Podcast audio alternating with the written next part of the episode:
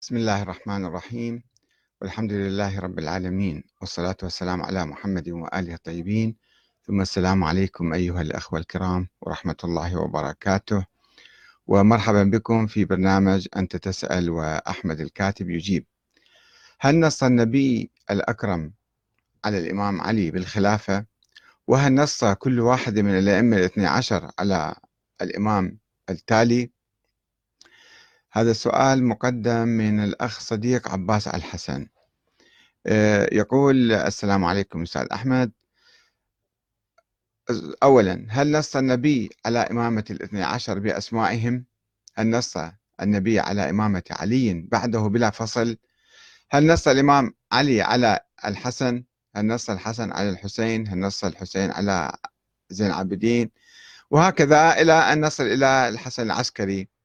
هل نص على ولادة ومهدوية وإمامة وغيبة وعصمة وطول عمر ولده محمد اللي على هذا مذهبنا الاثنى عشري قائم.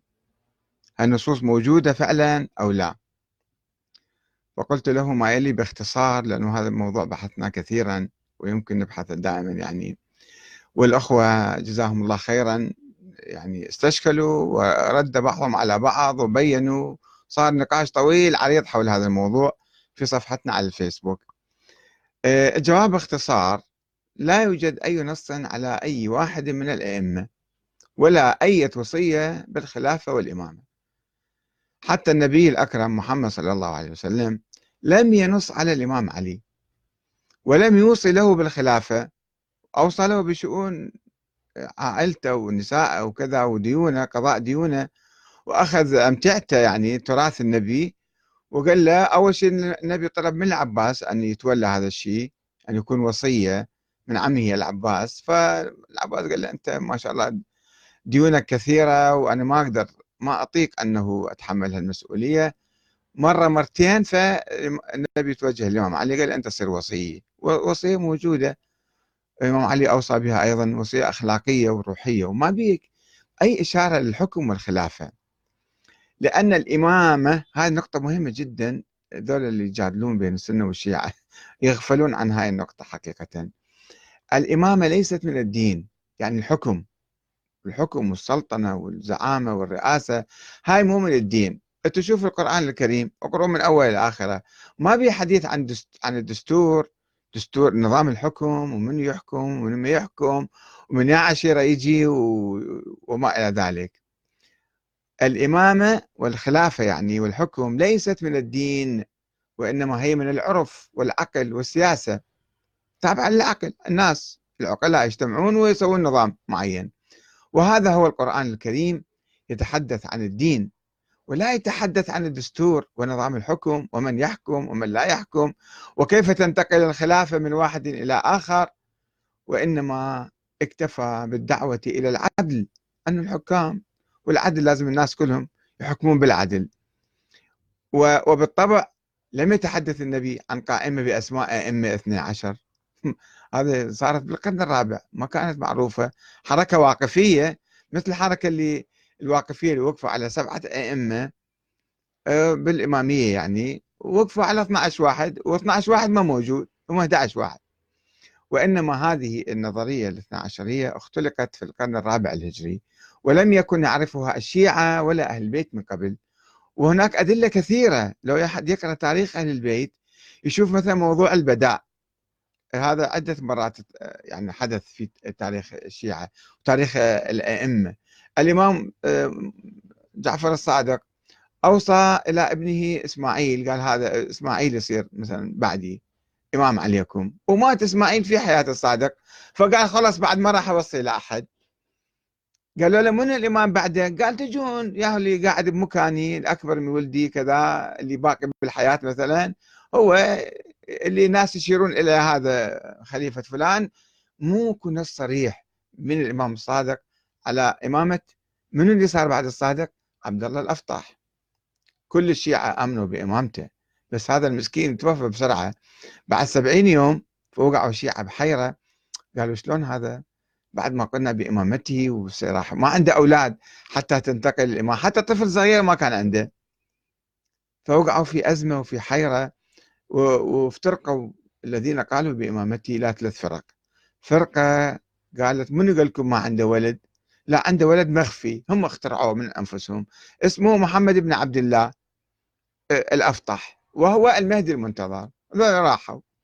فرقة قالت آه، خب شكوا بيها. إحنا نروح إلى أخيه موسى بن جعفر فانتقلوا صاروا موسوية.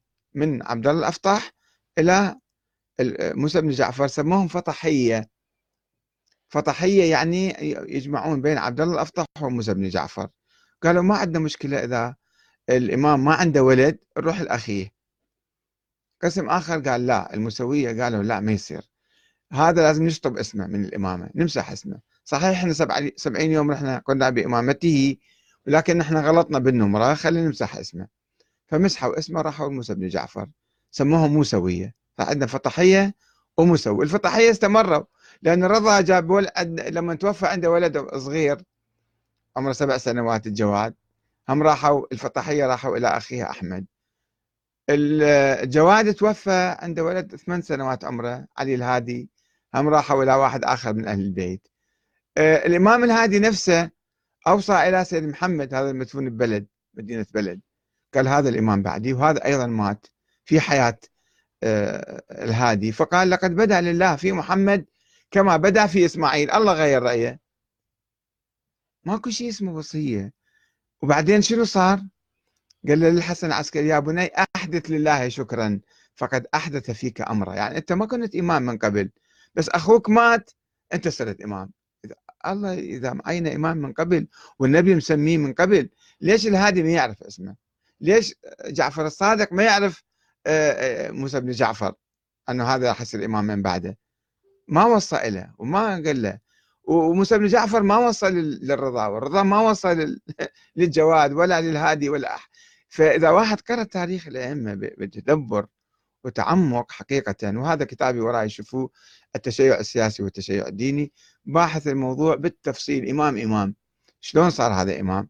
وهم متكلمين الشيعة يعني يقولون فعلا ماكو نصوص ووصايا وكذا وإنما بالمعاجز الأئمة يصيرون. يجيب معجزة هو النبي محمد ما جاب معجزة. شلون الإمام يجيب معجزة؟ ومنو قال جاب معجزة؟ شلون تثبتون هذه المعجزة؟ معجزة الحجر الأسود مثلا اللي يتكلم وأثبت الإمام زين العابدين هاي أسطورة. فما يمكن نبني دين وعقيدة ومبدأ وكذا آه، ونظرية سياسية حتى على أساطير وعلى معاجز وعلى كذا. فهي النظرية وصلت إلى طريق المسدود وانقطعت وراحت وصار 1200 سنة. والآن إحنا ما عندنا شيء اسمه إمامية ولا عندنا أئمة حتى نتبعهم. نعم يوجد علماء بالتاريخ كانوا عندهم كلام حلو اجتهادات لطيفة سيرة عطرة آه، مثلا أخلاق جيدة إحنا نتبعهم ونستنير بعلومهم وبثقافتهم وبفكرهم. بس كأئمة حكام معينين من قبل الله ما عندنا اليوم. لذلك إحنا نؤيد النظام الديمقراطي والديمقراطي النظام الديمقراطي بديل عن الإمامة وبديل عن نظام الخلافة السني. والسلام عليكم ورحمة الله وبركاته. ما أريد أطول كثير في هذا الموضوع.